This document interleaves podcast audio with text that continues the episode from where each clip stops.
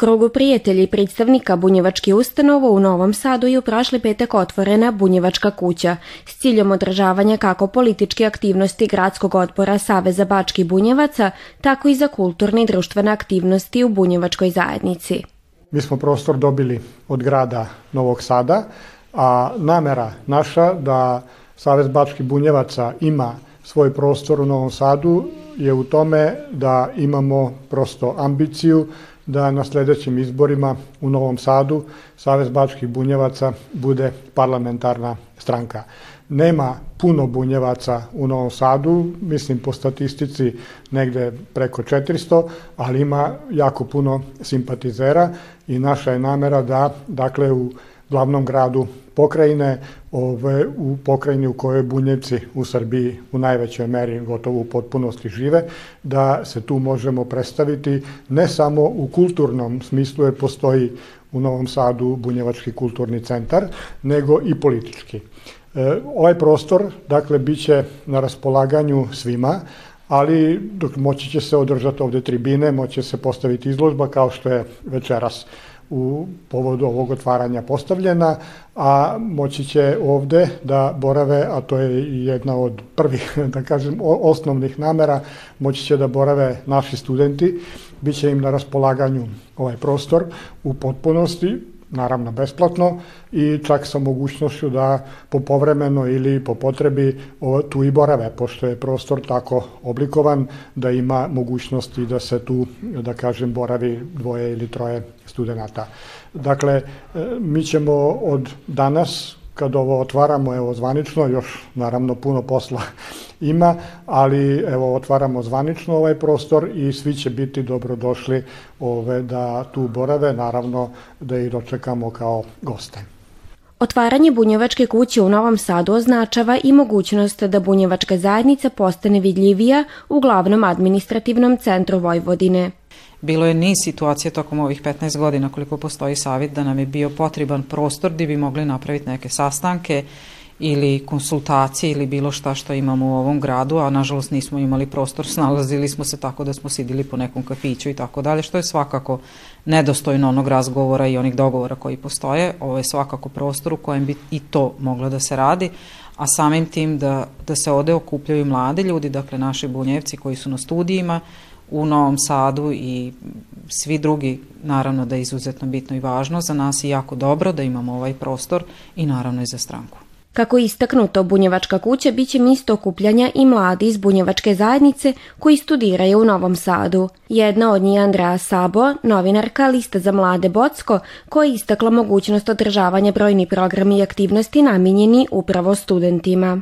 Ima nekolicina studenta ovde u Novom Sadu koji već i rade za Bocka, ali e, doći će ih još pa ćemo ovaj, kako bude vreme prolazilo, tako ćemo imati više ovaj saradnika. Ovde ćemo se moći okupljati, moćemo da organizujemo neka druženja, da pravimo projekte, možda da e, pišemo i neke nove članke za novine koje smo do sada radili, nešto možda i opširnije i složenije. U sklopu otvaranja Bunjevačke kuće upriličena je izložba slika i drugi umetnički eksponata od slame autora Stipana Budimčevića iz Bunjevačkog kulturnog centra Lemeški Bunjevci. Bunjevačka kuća nalazi se u Novom Sadu na adresi Petra Kočića, broj 1.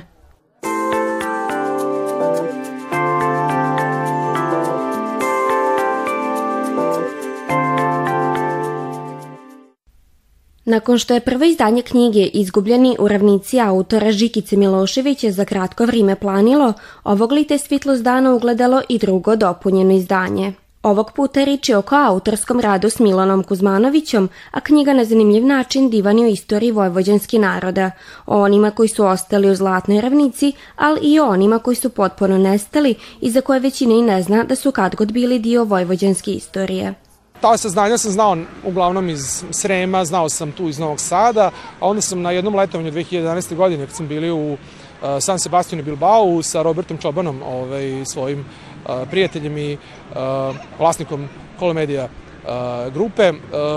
Tako smo nešto pričali i ja sam rekao, pa da, ove, ali znaš da su, kad smo već kod Španaca, znaš da su Španci bili ove, u Vojvodini su osnovali Zrenjanin ponovo kad je bio skroz razrušen uh, posle 1718. i da se Zrenjanin zvao Nova Barcelona. i kao pa nisam znao za to i onda on meni kaže da su postojali Grci u Buljkesu i da su imali svoju neku republiku uh, kao izbjeglice iz grčkog, građanskog rata. Takođe, ja sam znao da postoje Francuzi koji su živjeli u Banatskom velikom selu, odnosno u tri sela koje danas čine Banatsko veliko selo. I to je tako prosto krenulo svojim putem. Krenuli smo da pišemo tekstove o tome za časopise, za portale i u nekom trenutku tih tekstova bilo toliko mnogo i toliko su bili lepi da je Robertu palo na pamet da a, ih skupimo u jednu lepu ilustrovanu knjigu enciklopedijskog tipa i da ljudi to ne traže više po po časopisima i da ne traže po portalima, nego da imaju svoju kućnu biblioteku, jer zaista je vredi imati. Da svako selo u Vojvodini ima svoju jedinstvenu pripovitku potvrđiva upravo ova knjiga. Listajući njezine stranice, čitalaca otkriva zanimljive i neobične priče o poznatim i manje poznatim narodima koji su kad god živjeli, a podi koji i danas žive na tlu savremene Vojvodine. Ilustracije, fotografije i mape tog vremena samo još više potvrđive činjenicu kako je severna pokrajina vikovima bila dom brojni naroda. Med stranicama drugog izdanja knjige svoje misto našli su i buntovni bunjevci, kako i autor nazvo. Prva rečenica o bunjevcima kaže Bunjevci znaju sve o sebi, a raspravljaju se kode ne znaju ništa. Da li je to zaista tako, objašnjava sam autor. Meni je zanimljivo to da sam čačkajući splitske neke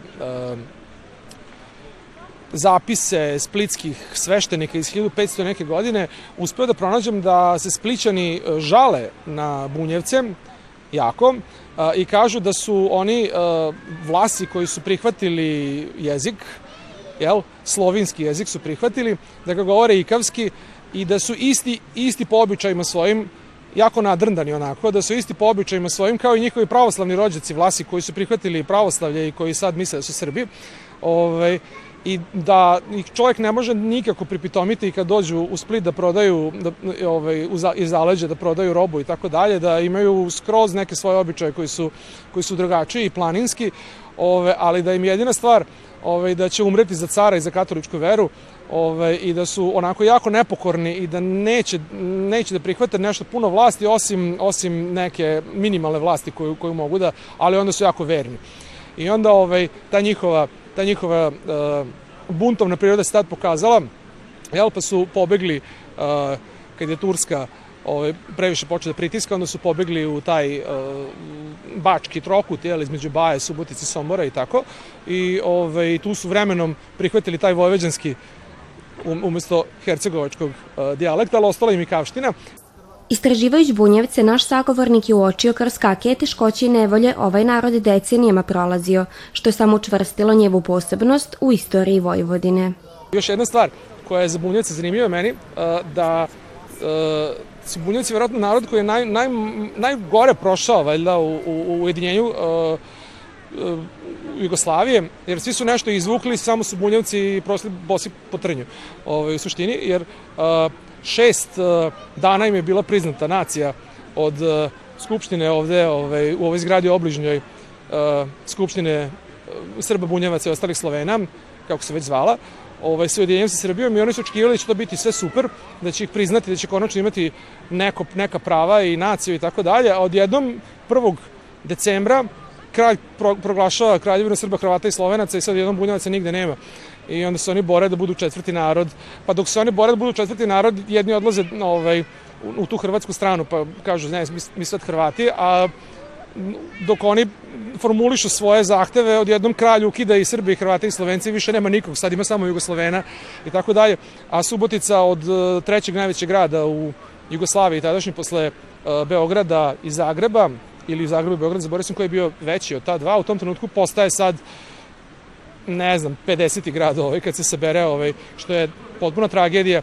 Uh, Beograd se bukvalno veštački pravi velikim, dovlače se ljudi iz celog, celog, cele Srbije, cele Jugoslavije, Sarajevo se veštački pravi, Podgorica, Titograd se veštački pravi, svi gradovi se grade, Skoplje i tako dalje, veštački se dovlače ljudi, a Subotica ostaje onako na granici, na granici, uh, to nije loše za turizam, kako da kažem, nije uništena, ovaj, kao što su uništeni svi ovi gradovi koje sam već spomenuo, stara jezgra i tako, ovaj, a evo sad kako je Srbija ponovo uh, Srbija Crna Gora, pa Srbija ponovo, evo, znači, bukvalno kako Jugoslavija nestalo, Bunjevci su ponovo pojavili, tako je to opet zanimljivo za, za ovaj, Bunjevce kao, kao, kao narod.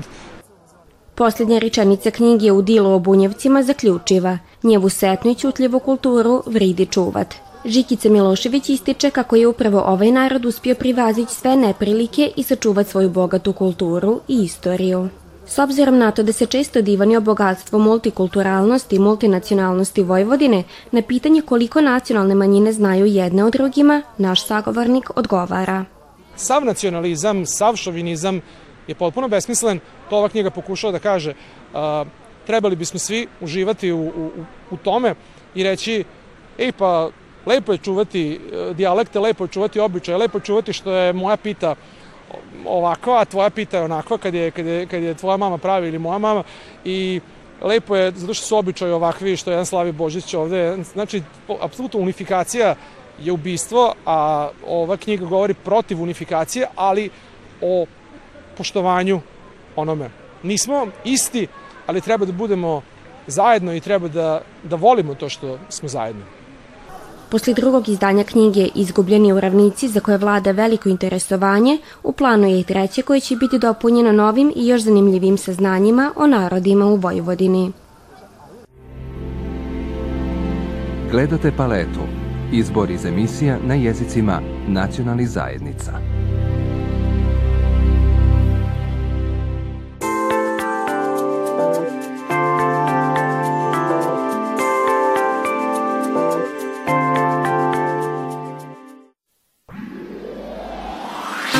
Pripovitke koje dovode do najvažnijih životnih odluka mogu započeti i spontano, a život na Salašu u vrimenu globalizacije činio se najboljim izborom za mladi bračni par Vukovi Starog Ževnika, koji se, koji u svakodnevnom životu svojim divanom nadopunjuje i pred kamerama.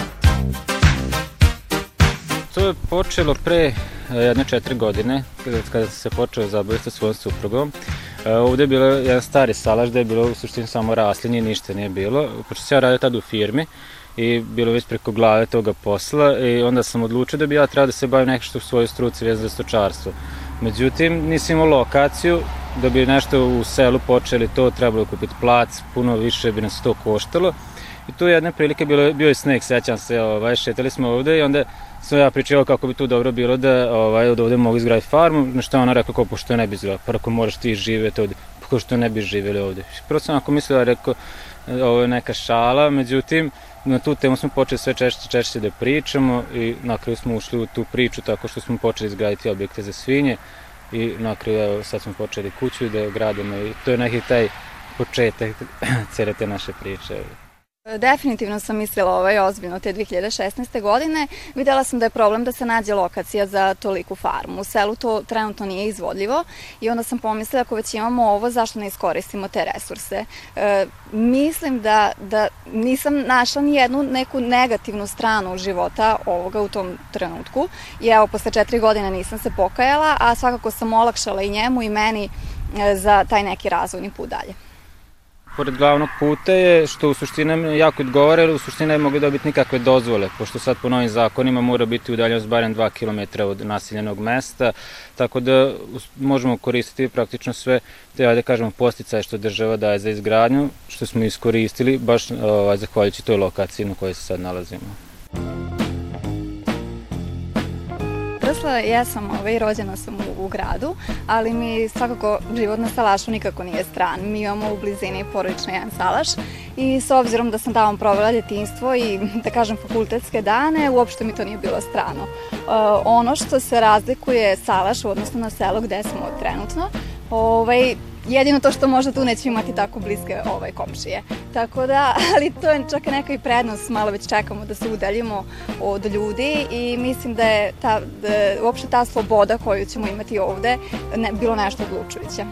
Neopterećeni mišljenjima drugi, gledajući sobstvenu dobrobit, oni razbijaju sve pridrasude vezane za život na salašu i život od poljoprivrede, ali i za zainteresovanost mladi za ovaj vid proizvodnje.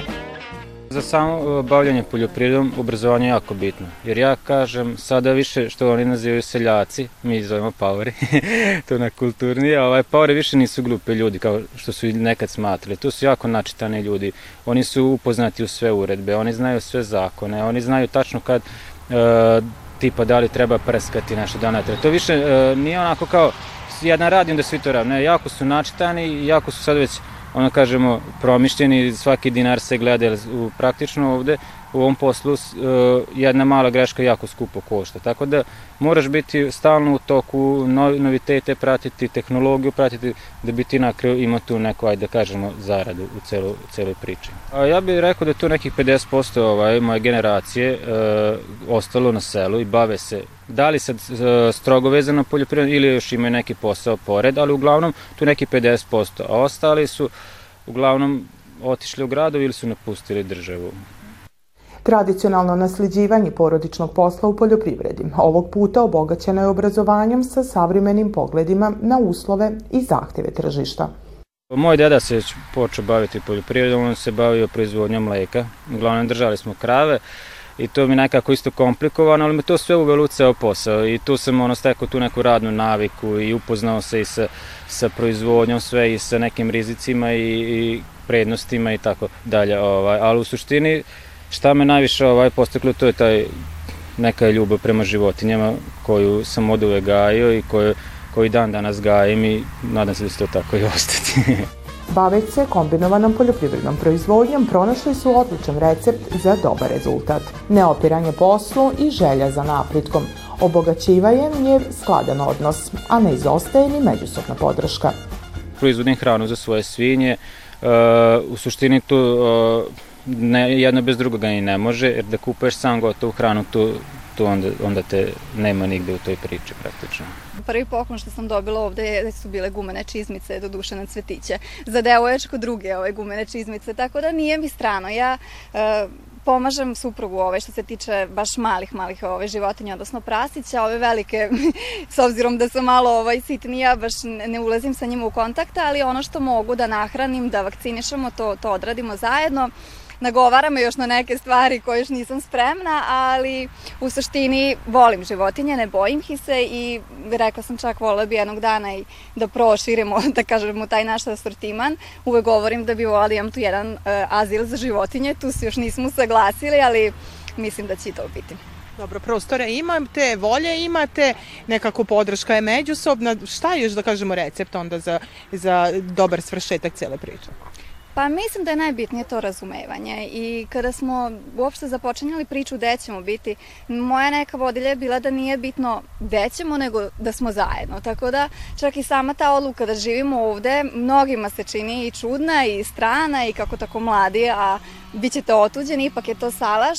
Mislim da imamo sve uslove kao i ljudi u selu i u gradu, nemamo baš kafić preko puta, ali i to, to, to smo spremni da podnesemo.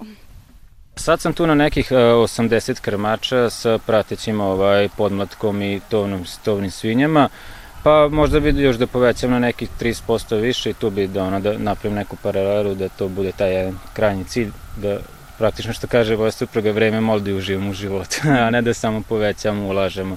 I nadam se da će to, da, da su skore vreme i ostvari. Žena drži tri kućna stuba, vele stariji. A kad se tom pridodaje i majno zaposlenje u Subotici, čini se kako će ova stara biti i tekako istinita. Samo putovanje na posao nije po meni neka velika mana, s obzirom da se automobilom stigne, za nekih 15-20 minuta. Ja uvek uporedim koliko ljudi, recimo po Beogradu, potroše vremena, jeli, kroz sve te guže da bi stigli, stigli do svog radnog mesta. Tako da, e, čak i taj posao, ja radim u internet kompaniji, totalna je suprotnost, jeli, od e, života na salašu, ali mislim da treba malo to kontrasta u životu. E, ja sedim 8 sati za računarom i onda mi fali da izađem na napolje, pa ono, pogledam bašticu, pogledam životinje i malo da se, jeli, relaksiram. Nus prihvatanje obaveza koje su sastavni dio života kojeg su izabrali, posebno cine pomoć sa strane. Samo naša proizvodnja je dosta automatizovana, a i što je najveća, jedna od naših najvećih pomoći, to su naši roditelji koji uvek tu uskoče da nam pomognu i onda kad mi želimo negde da otputujemo, onda oni u početku malo gunđaju, ali na kraju oni su ti koji stave svoje leđa i ti par dana odrade mesto nas posao. U suštini bez ne njihove podrške, teško da bi mi danas i bili ovdje. Cilj u koji su stavili 3D se odlučno korace. Strategiju su razradili, posla se ne boje, a vizija im u sve izazove jasna ko dan. Za deset godina, pa vidim sebe ovde na salašu, nadam se sa viš, većim brojem nego sad što nas I ovaj, nadam se da će biti ono, utegnute proizvodnje i da će biti puno puštenije nego ovih zadnjih godinu dana što ipak mali pritisak se stvara dok se sve ne namesti. Mislim da mi najveći izazov da negde, e, da kažem, ograničim muža sa njegovim ambicijama. E, podržavam ga svakako, ali to je negde i on spomenuo, treba da odvojimo vreme ovaj, malo i za uživanje. E, on je stvarno jako ambiciozan i, i već planira da radimo tu treći objekat, već gde će biti četvrti, da je peti. Rekla sam, ajde prvo da završimo kuću i da sredimo dvorište, pa ćemo onda ovaj, da, da razmislimo šta ćemo dalje. Na kraju uputstva su jednostavne. Pridržavati se planova, ne priskakat korake, naći zlatnu sredinu, optimalan obim proizvodnje i uživati u svim pridnostima života na selu, tačnije na salašu.